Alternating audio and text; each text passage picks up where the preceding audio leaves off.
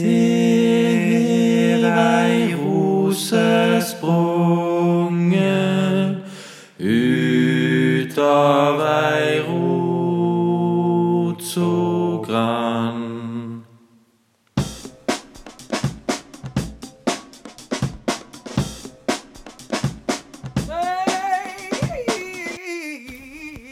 Ja vel. Var ikke det litt vel tidlig å synge julesanger? Nei, nei, nei, nei, nei, nei, nei, nei. Det er aldri for tidlig å synge julesanger. Jo, det er det. Men jeg har sunget julesanger ennå. Nei, hæ? Jeg har sunget julesanger lenge, mener jeg. Ja. Eh, og eh, ja, jeg begynner egentlig å bli litt lei. Så jeg kan godt stoppe nå. Ja, men altså, jeg begynner å høre på julesanger typisk i eh, ja, sen oktober. Da syns jeg det er tid jeg hører på julesanger. Nei, det er jeg helt uenig i. Ja, men Du er en julesangnerd. så det går- Julesangnerd. Julesangnerd! Nerd! Ja. Nerd! Nei, men altså, jeg drikker julebrus, jeg hører på julemusikk. Em, jeg har ikke begynt å se julefilmer, men jeg ser jo at Netflix de har jo nå satt inn presset på julefilmer. Ja, de har det. Jeg skal si noe om det etterpå. Men du, Gunvald. Du har faktisk ødelagt eh, en sånn regel jeg har for meg sjøl. Og det er at jeg skal ikke spise pepperkaker og jeg skal ikke drikke julebrus før i desember. Og nå har du drevet kjøpt julebrus på universitetet i iallfall to uker. Så nå har jeg òg kjøpt julebrus. Men hvorfor gidder du å ha sånne regler om at du ikke skal drikke alkohol typisk i, eh, i eksamensperioden? Du skal ikke drikke julebrus. Skal ikke dit, skal ikke datt. Eh, Slutt! Slutt med det. Nei, for det skal jo være litt kos. sant? Å drikke julebrus skal være noe du gjør bare sånn i desember. Men julebrus smaker jo dritt. Julebrus smaker ikke dritt. Jo, det gjør det. Jeg, jeg drikker ikke julebrus. Jeg aldri gjør jeg det. Ok. Men uansett, jeg eh, går jo på leksia, som eh, noen av dere vet.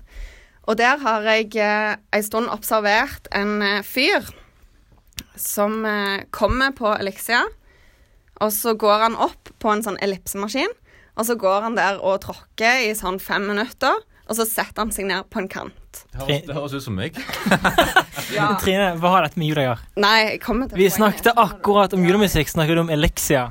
Ja, men det er, har noe med jul å gjøre, sant? Uh, uansett så setter han seg ned på en benk og sitter og stirrer på mobilen sin. Og i går så tenkte jeg nå skal jeg gå forbi han her og finne ut av hva det er han egentlig holder på med. Og jeg vandrer rundt i ring for å se på mobilen hans. Og så ser jeg, der sitter han og ser på julefilmer på Netflix. På trening! Så han burde vært på trening, og så så han på Netflix. Men hvorfor tror du han sitter og ser på Netflix på Elixia? Nei, jeg har jo en teori om dette her, for det er jo ikke første gang han eh, kommer på leksia, går opp på lipsmaskinen, tråkker i fem minutter, setter seg på en benk, og så ti minutter før han skal gå, så går han opp igjen på lipsmaskinen, tråkker for harde og går ned trappa og ut. Så jeg har jo tenkt OK, hva kan dette være? Daniel. Nei, og han her eh, Jeg har ikke sett på julefilmer. Jeg hadde bare stirra tomt ut i lufta og hata livet mitt. Har du en favorittfilm før vi bare fortsetter med Trine sin historie? Favorittfilm eh, Du må ikke stille meg så vanskelige spørsmål. Jeg kan tenke litt på det. Ok.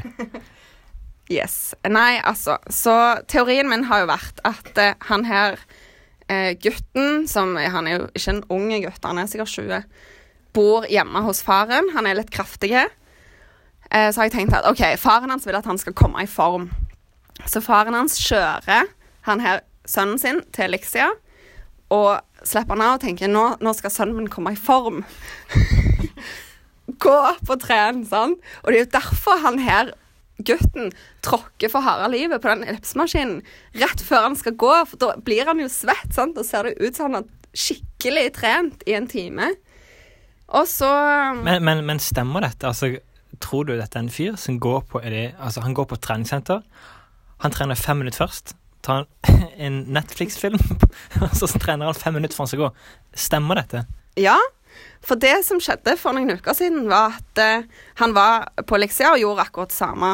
Trente fem minutter, satte seg ned, trente fem minutter og gikk. Men jeg skulle gå da fem minutter før eh, han sikkert var ferdig. Så jeg gikk ned og satte meg i sofaen, for jeg skulle òg sitte på med far min hjem. så, så jeg satte meg i sofaen Trine! og venta på far min. Og selvfølgelig, da kommer han her gutten slentrende ned trappa. Og rett ut forbi så står det en bil, så da tenker jeg jo aha! Nå! Nå får jeg oppleve dette her. Endelig. Og det er jo selvfølgelig faren til han her gutten som står ut forbi og skal hente han. Og faren så så stolt ut når han guttungen gikk inn i den bilen. For da hadde akkurat guttungen trent i 50 minutter. Ja, det var jo det faren trodde. Men det var jo egentlig bare 10 minutter. Jeg vil bare si til denne unge mannen Han er ikke en gutt, han er en ung mann. Skjerp dere. Um, jeg vil bare si at vet du hva, stå på. Jeg, eh, du kommer deg iallfall på treningssenteret, så kanskje du trener ett minutt eh, mer neste gang, og så baller det på seg. Aldri gi opp. Uh, men altså, du kan se på noe annet enn julefilmer, da. Det syns jeg. Ja, og det, altså, han trener jo mer enn han ville gjort hvis han ikke gikk, så sånn sett så er det jo bra. Det er jo litt positivt. Men denne episoden her er det jo hashtag seminar med Dagrun Skjelbre. Ja. Skulle vi ha kommet til poenget med, med episoden? Ja, det må vi jo. Dagrun Skjelbred hun er professor i tekstvitenskap. Og hun eh, snakker i denne seminarepisoden om norske lærebøker fra 1739 og fram til 2013. Det hørtes utrolig kjedelig ut. Nei, det er kjempespennende. Men sånn helt alvorlig, når vi satt og intervjua Skjelbre Hun er klok, smart, og hun sa hun har gått gjennom 2000 bøker for å skrive ei bok om norske lærebøker. Hadde du noen gang, Daniel, tenkt at du ville gått gjennom 2000 bøker for å forfatte ei bok? Uh, nei. Og hun her er jo nesten mer nerd enn deg, Gunvald. Altså, hun er professor i tekstvitenskap. Ja, det kommer du også til å bli. Bare Det tror jeg. Mer nerdete. Professor i nerd. Professor i nerd! Ja. Nei da. Det er det du kommer til å bli, da. okay. Men eh, skal vi sette over til Arne Rettedals hus? Vi setter over til Arne Rettedals hus.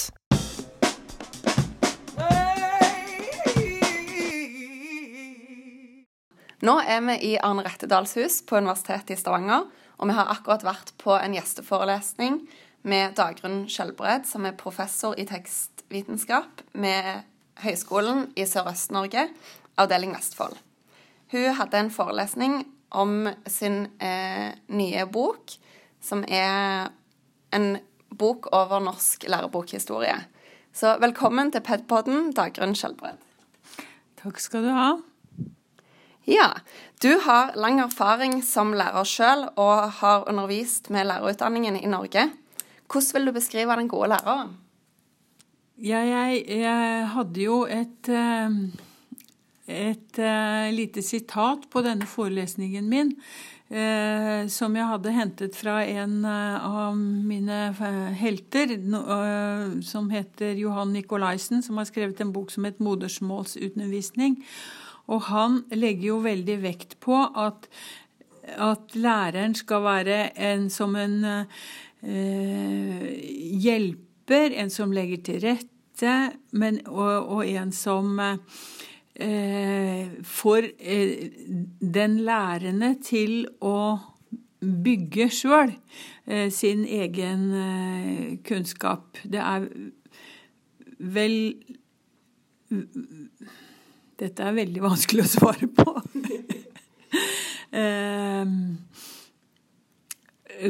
Den gode læreren er en lærer som eh, ser elevens potensial og bygger videre på det. Det er vel kanskje kortversjonen av den eh, tenkningen som han, eh, Johan Nikolaisen eh, har, som jeg refererte til da. Eh, tenker du at det er noen spesifikke egenskaper en god lærer bør ha? Altså, eh, han må jo øh, være nysgjerrig på og, og interessert i øh, å skaffe seg kunnskap sjøl. En, en lærer som øh, er kunnskapsrik og spennende å være sammen med for unger, tror jeg er viktig. Uh, og så må han se um, den enkelte uh, elev. Eh, og, og ta utgangspunkt i eh, det som er det potensialet den, den eleven har, da. Den boka som du nå har eh, utgitt, den har du for øvrig utgitt sammen med andre medforfattere. Um, og når vi nå snakker om lærere, så sies det jo ofte at en god lærer, han er ikke en lærebokslave. Hvordan stiller du deg til en sånn påstand? Jeg pleier å si til de studentene jeg har, at eh, det er forskjell på en lærebokstyrt lærerbokstyrt lærer og en lærerstyrt lærebok. Og med det mener jeg at eh, det er veldig mye Utviklet veldig mye gode læremidler, gode lærebøker. Og det ville være veldig dumt å ikke bruke det, men man må bruke det eh, ut fra den, eh, den, målsettingen en har, den elevgruppen en har, eh, den arbeidsmåten en har, eh, finner hensiktsmessig, sånn at man må, må styre boka og, og, og boka, lærebokbruken sjøl. Eh, det er vel det som er, eh, er mitt syn. Men jeg syns det er mye gode lærebøker, og jeg ser jo at en del eh, skal ikke bruke lærebøker, men det de gjør, er jo da å bare kopiere gamle, andre lærebøker. og og, og, det er mye arbeid. Og det blir jo kanskje ikke mindre lærebokstyrt av den grunn, eh, bare fordi at den kopierer fra andre, andre bøker. Sånn at jeg tror ja, jeg tror det å, å, å, å bruke lærebøker ø, eh, fornuftig, men ikke la seg styre av det. Ja, det hørtes veldig fornuftig ut. Hvis vi skal se litt på den boka som du nå har foran deg, som du har skrevet, Norsk lærebokhistorie, så gir jo den nettopp et overblikk over norsk lærebokhistorie. Um, du starta med å fortelle om en som heter Erik Pontoppidan. Og han ga ut en bok som heter 'Sannhet til, gudsfrykt, eh, til gudsfryktighet'. Det var en lærebok som varte over 150 år, uh, og den var både brukt i Danmark og i Norge. Kan du fortelle litt om hvilken betydning den boka har hatt i norsk skole? 150 år, det er ganske lenge. Mm. Ja, den, den eh, ble jo brukt i eh, det som vi eh, kaller for menighetsskolen, altså den eh, første skolen som ble innført fra 1739 og til slutten av 1800-tallet. Det var en skole hvor kristendomsundervisning var målsettinga, og det å lære å lese var jo et middel for å, å nå det målet. Og, og, da var Pontoppidans forklaring, 'sannhet til gudfryktighet', det var den som ga øh, øh, de kunnskapene som en mente da elevene måtte ha for, som det het, å bli lykkelig på jorden og salig i himmelen. Altså de helt sentrale dogmene i den kristne tro. Og det var jo det de også ble prøvet i når de Eh, når de skulle stå til konfirmasjon. For konfirmasjonen var jo på en måte eksamen i, eh, i den skolen og i den, den, tida. Og det var veldig viktig å, å, bli konfirmert, for hvis man ikke var konfirmert, så kunne man ikke gifte seg, og man kunne ikke ta opp lån, og man kunne ikke kjøpe matrikulert jord. Sånn at eh, konfirmasjon var jo helt avgjørende for at en skulle bli en deltaker i det voksne samfunnet. Og derfor så var det jo lagt stor vekt på å kunne, eh, kunne eh, sin Pontoppidan, sånn at man kunne eh, bli konfirmert.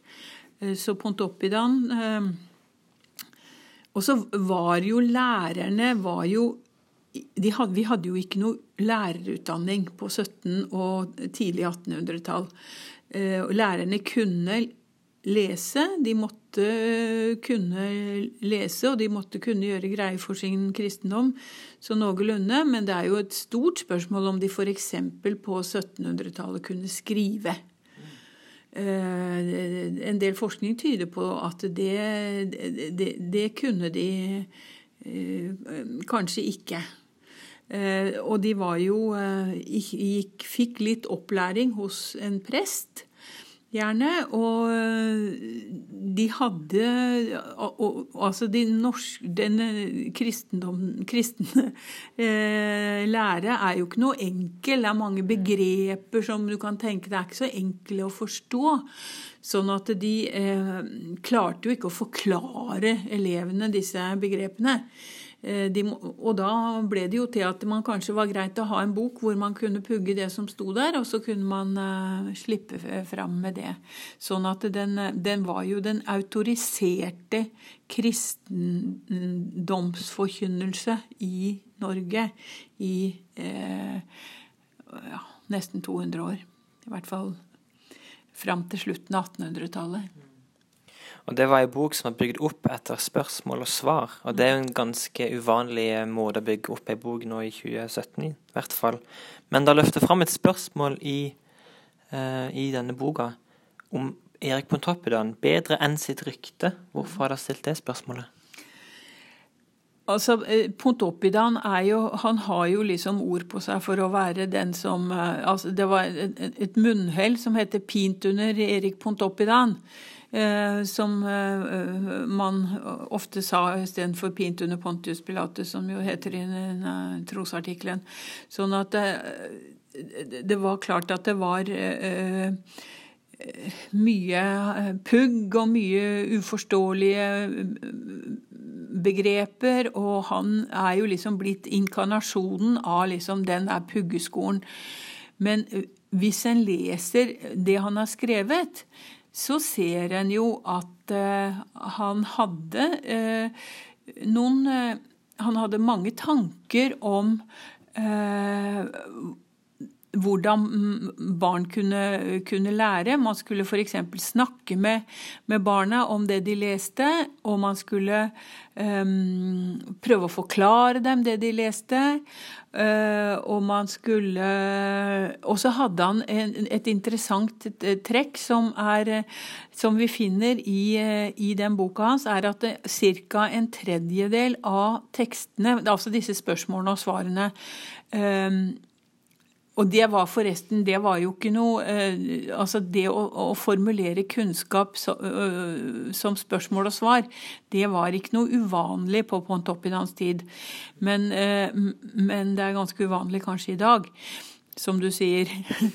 men, men eh, en ca. en tredjedel av de spørsmålene, det er 759 spørsmål i alt, de en, i, i, boka så er det en strek i margen.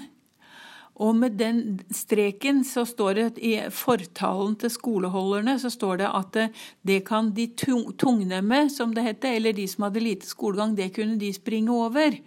Det behøvde de ikke lære utenat. Og det er jo en liten form for tilpassa opplæring, da.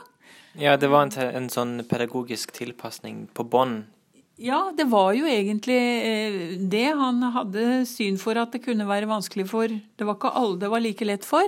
Så han eh, la til rette for at cirka, Og det er ca. en tredjedel av de spørsmålene som kanskje er mest krevende, de kunne de tungnemme springe over. Ja. Nordahl Rolfsens lesebok blir ofte omtalt som ei historisk viktig bok i norskfaget. Hva andre bøker mener du fortjener heder og ære? Ja, så eh, Nordahl Rolfsens eh, lesebok er jo ikke bare viktig i norskfaget, den er viktig også i, altså i skolen i det hele. Eh, den ga en innføring i, eh, i norsk kultur, eh, og utenlandsk kultur også, for så vidt. Og en, en, slags felles referanseramme for, for generasjoner av nordmenn. Ehm, så den, den var viktig, men, men, det var jo norskfagets bok. Ble jo det fordi lesebøkene ble jo etter hvert da knytta mer og mer til norskfaget. Andre bøker i norskfaget, så er det jo kanskje først og fremst eh, Torbjørn Egner, som jo var et, eh, et veldig viktig verk da, som kom første gang på 1950-tallet. Og som kom i 16 bind, og som eh, var, ble utgitt helt fram til 1972. Og det var viktig eh, av flere grunner, men det var eh, blant en av de viktige tingene med det var at Eh, byen og unger som bodde i byen, eh, ble mye mer synlig. Eh, fordi at eh, før Altså de Nordahl Rosens bøker og de bøkene før, de var jo veldig of, ofte hentet stoffet sitt fra landlige omgivelser. Men etter hvert så ble jo som urbaniseringa skjøt fart, og flere og flere unger vokste opp i byer, så ble det jo viktig at byunger også fikk tekster som de kjente seg igjen i. Og derfor så jo, brakte jo han inn byen mye sterkere i, i lesebøkene. Eh, det er jo andre ting også med, den, med hans bøker.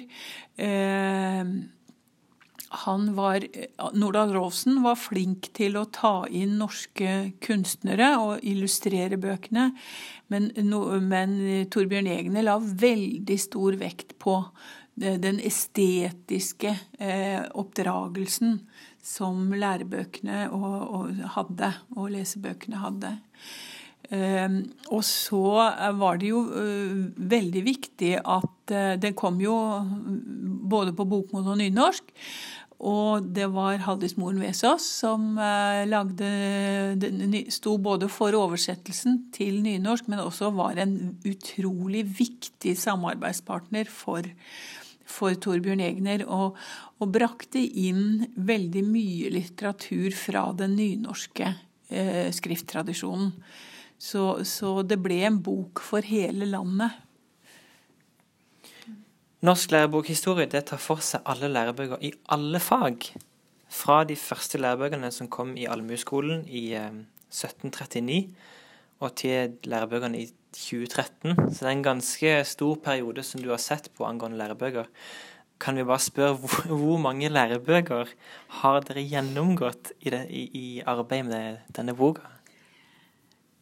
Nei, det vet du at det vet jeg ikke. Men det jeg vet, er at eh, Og vi har jo ikke, har jo ikke sett på alle. Vi gjorde jo noen utvalg. Vi bestemte oss f.eks. For, for at vi skulle ta de bøkene som hadde kommet i veldig mange opplag.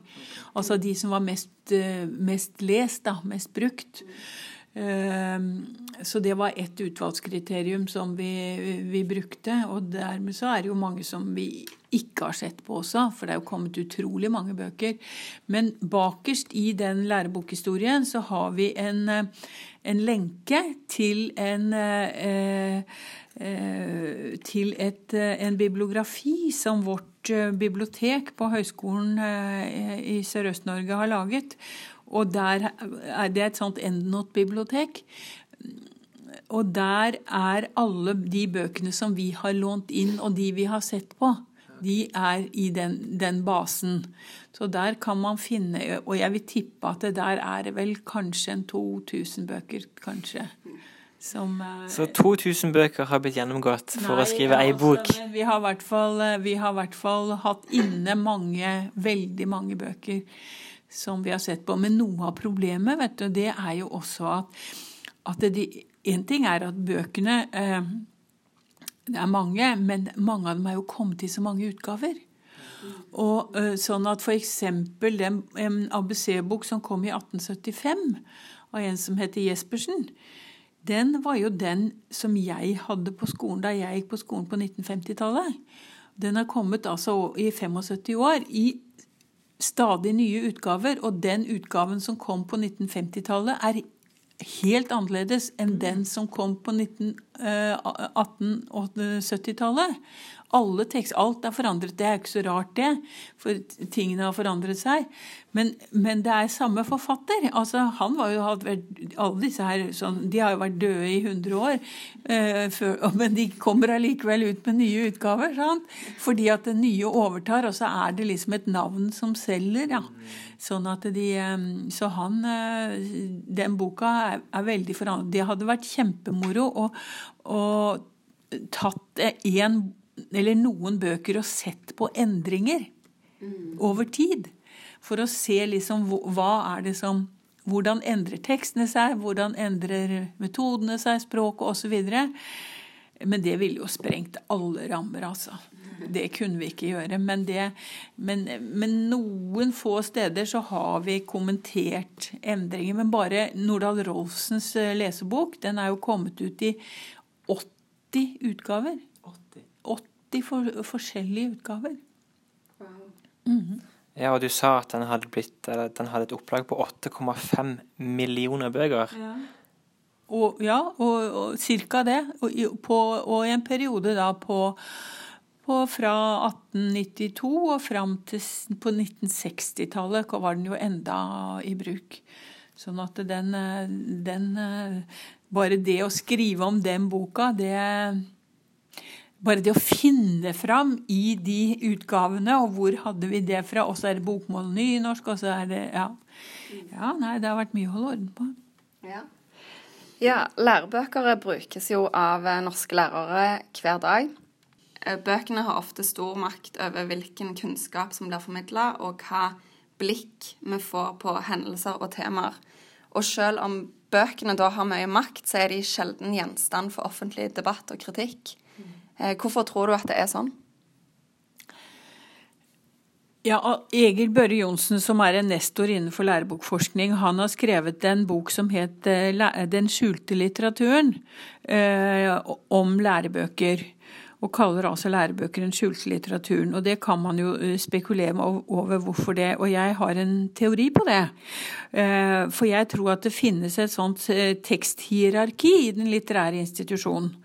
Og der er det sånn at skjønnlitteratur har mer status enn faglitteratur eller mer enn sakprosa. Og det som skrives av voksne, har mer høyere status enn det som skrives for barn. Og det som skrives for få personer, har mer status enn det som eh, skrives for mange. Så lærebøker som er sakprosa, og som skrives for barn, og som leses av ca. 800 000 mennesker hver dag, de kommer ganske langt ned i det hierarkiet. Og jeg har en sånn jeg har en episode som illustrerer det ganske godt, eh, som jeg kanskje kan fortelle. Og det er at jeg ga ut en, en ABC-bok i 1997 sammen med Gro Dale, skjønnlitterære forfatteren. Samme året så ga hun ut en, en diktsamling og den het eh, 'Velkommen til speilet'. En veldig fin diktsamling. Og den fikk ganske mye oppmerksomhet, og Gro ble intervjuet i media og kom både her og der. Og så sa jeg til Gro at eh, du som er så mye i media nå, du kunne vel snakke litt om læreboka vår, om ABC-boka vår òg? Og så sa Gro jeg snakker om den hele tida, jeg, sa Gro, men de bare kutter det vekk. Og det tror jeg er ganske illustrerende for uh, den situasjonen. Du har også skrevet en bok som heter 'Fra fader vår til Facebook'. og Den handler om skolens lese- og skriveopplæring i et historisk perspektiv. Kan du fortelle litt eh, om hvordan skolen har endra måten å oppdra nye generasjoner til å bli lese- og skrivekyndige? Og kan du kanskje kommentere tittelen, altså 'Fra fader vår til Facebook'? Hvorfor den tittelen? Ja, det kan jeg jo si. Den, den tittelen må jeg si jeg var veldig fornøyd med. Jeg syns den var veldig fin. Eh, fordi jeg, For det første fikk jeg til bokstavrim, ikke sant.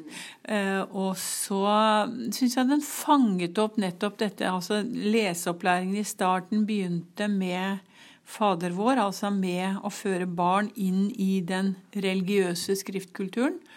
Og så er vi der i dag at eh, vi bruker eh, skriften og lesingen i så mange sosiale medier og i så mange sammenhenger. Eh, nå ble det kanskje mer Fader vår enn Facebook i den artikkelen. Det kan godt hende, men jeg syns tittelen var jeg ganske fornøyd med. Altså det som har endret seg den tidlige lese- og skriveopplæringa skulle jo nettopp føre eh, barnet inn i skriftkulturen, eh, som da var eh, den religiøse skriftkulturen. Og det som er endret, er jo at skriftkulturen i dag er endret. Men eh, lese- og skriveopplæringa skal jo fremdeles føre barn inn i den skriftkulturen som har status og verdi i det samfunnet de lever i. Så selv om skrift eh, Altså selv om kulturene, tekstkulturene, er forskjellige, så er jo lese- og skriveopplæringas hovedmål på en måte det samme. Å gjøre barn tekstkyndige. Vi har brukt uh, Literacy er jo et ord som brukes veldig mye nå. Jeg har brukt ordet tekstkyndighet, som jeg syns er en god oversettelse på literacy. Eller om nå literacy er et ord som brukes veldig mye. Men literacy er jo å Eller tekstkyndighet er jo det som er skolens ho hovedoppgave. da, Å gjøre barn um, kyndige til å bruke og uh, leve i og endre kanskje også den tekstkulturen som de er en del av og skal vokse inn i. Ja, I dag så faller såkalt skjønnsskrift ut av skriveopplæringa. Hva syns du om det? Jeg vet ikke om den faller ut, men altså den er jo eh, tona veldig ned, da. hvert fall. Altså, det er jo veldig mye diskusjon om dette, om en skal skrive på tastatur eller skal lære å skrive på, med, med hånd. Og jeg tror nok at eh, det er et eller annet med eh, det kroppslige som eh, Når man bruker eh, hånden å skrive med, som, som jeg tror at en eh, det, det, er et eller annet med læringen der som jeg, som jeg tror en ikke skal se bort ifra. Men eh, jeg, jeg, vet ikke så veldig Jeg vet ikke riktig hva jeg skal mene om det. For det fordi at eh, Jeg vil jo ikke tro at skrift faller bort. Altså det å skrive med hånd, det er jo eh, vi har jo ikke, vi har jo ikke iPaden hele tida. Altså det er fint å kunne se. jeg tror nok den kommer fortsatt til å, til å være noe av det vi skal gi opplæring i. Og det, det, det, er vel ingen som mener at de ikke skal det. Men det, jo noen, det man har diskutert, er vel litt når skal det begynne. Og noen har jo ment at det å starte, starte opplæringen med at elevene skriver på tastatur, kan være en fordel, fordi at da er det lettere for dem å uttrykke seg meningsfullt. De klarer å skrive ord og, og lage små tekster og sånn tidligere, sånn at den kommunikative delen av skrivingen, den blir um, tydeligere for dem. Men, men, det å skrive bokstaver med hånd, jeg tror det fremdeles kommer til å være noe vi driver med i skolen. Jeg kan huske at når jeg gikk i syvende klasse, så hadde jeg fortsatt, eller da lært å lære skjønnskrift. Og da ble klassen delt i to, husker jeg. og Da var det jentene. De satt og kunne holde på med oppgaver, mens guttene de måtte lære seg skjønnskrift.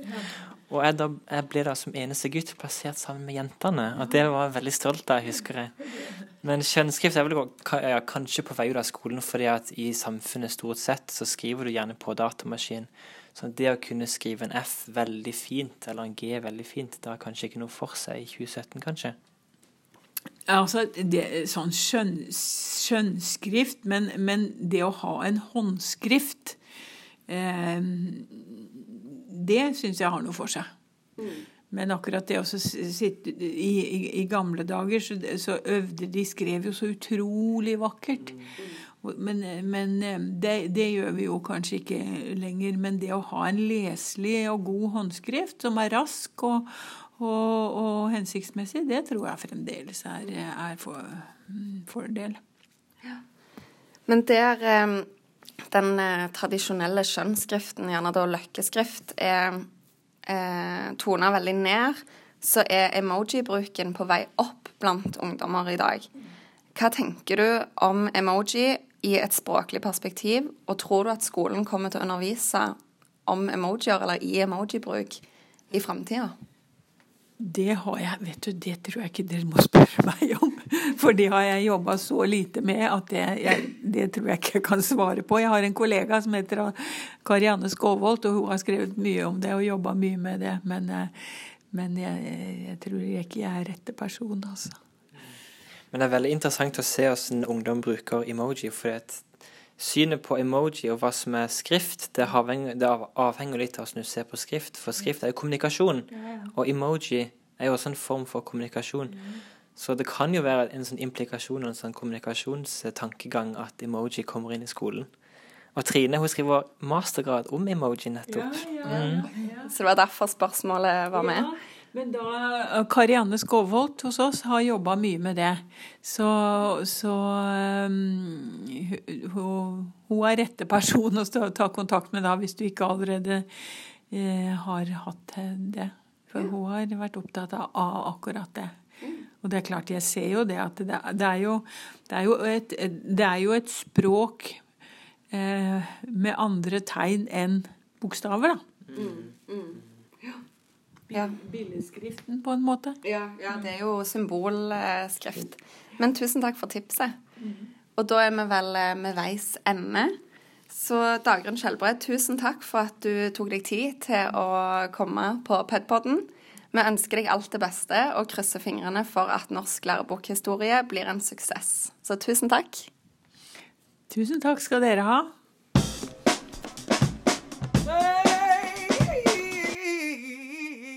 Ja, det var intervjuet med Dagrun Skjelbre, og det var jo nokså lærerikt, må man jo si. Ja, det var kjempefint. Hvorfor i helsike fikk ikke jeg være med? det syns jeg er veldig frekt. Ikke, det er ikke sikkert at jeg hadde hatt lyst til å være med, men det hadde vært kjekt å bli spurt. Du tuller bare for mye. Ja, det er et godt poeng. Men en, en skulle jo gjerne sett en hunk sammen med en tekst eh, en, en professor i tekstvitenskap i samme rom, tenker jeg. Eh, ja, men du, må, du kan ikke kalle meg Hank. Det, det er ikke, jeg er ikke litt komfortabel med det begrepet engang. Slutt med det. Nei da. Nei, men uh, nå nærmer episoden seg slutten. Uh, på alle sånne årsmøter sånn, så finnes det et punkt som er da eventuelt. Trine, har noe du vil si? Eller Daniel? Ja. Du var så annig på den introen eh, i sted at du ville bare forte deg til det der eh, intervjuet som jeg ikke var med på. Annik er nå igjen? Altså, Ja, du er en annig mann, eh, og jeg var ikke helt ferdig med de der julegreiene. Fordi at hva er dealen med Tre nøtter i Askepott-filmen? Hvorfor ser folk på det drittet? Tenker du den som blir sendt på NRK? Askepott! Den tenker jeg på. Eh, nei, altså, jeg ser det, jeg òg, men, men det er ikke så viktig for meg å se akkurat Tre nøtter til Askepott. Reisen til julestjernen, det er liksom Det er det som er viktig for meg å se. Altså, Jeg må innrømme at jeg generelt sett aldri ser julefilmer på julaften, men uh, jeg har en ganske uh, sånn fin anekdote på den Tre nøtter til Askepott. For at på Island så kjørte, kjørte jeg bil, vi plukka opp en haiker, min gruppe, på vei hjem til Reykjavik en søndags ettermiddag, og hun var fra Tsjekkia. Og så sier hun liksom ah, 'Du er fra Norge. Stemmer det at dere i Norge sender tsjekkisk TV på julaften?'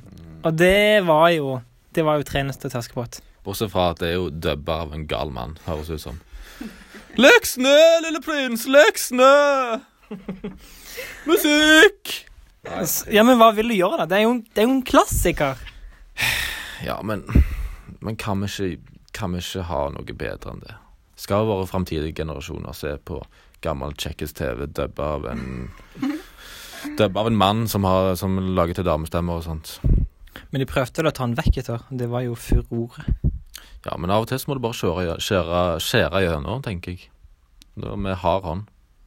Hva ser du på julaften, da? Eh, jeg ser på presten når han snakker i kirka. Hele julaften. Nei. Nei. Resten er jeg med familien. Skal ikke kaste det vekk på TV-tid. OK, OK! Skal vi se, så da var den moraliserende leksa Det, det, det får bli sluttsitatet. Ikke kast bort tida på TV. OK? Skal vi si noe da til slutt, Trine? Det er det mest voksne du har sagt noen gang, tror jeg. Ja, jeg føler jeg må på en måte dra det ned igjen eh, på et vis. Men jeg vet ikke helt hvordan jeg skal gjøre det. OK, men hva sier Trine da? Takk for oss. Og enn så lenge, ha det gøy!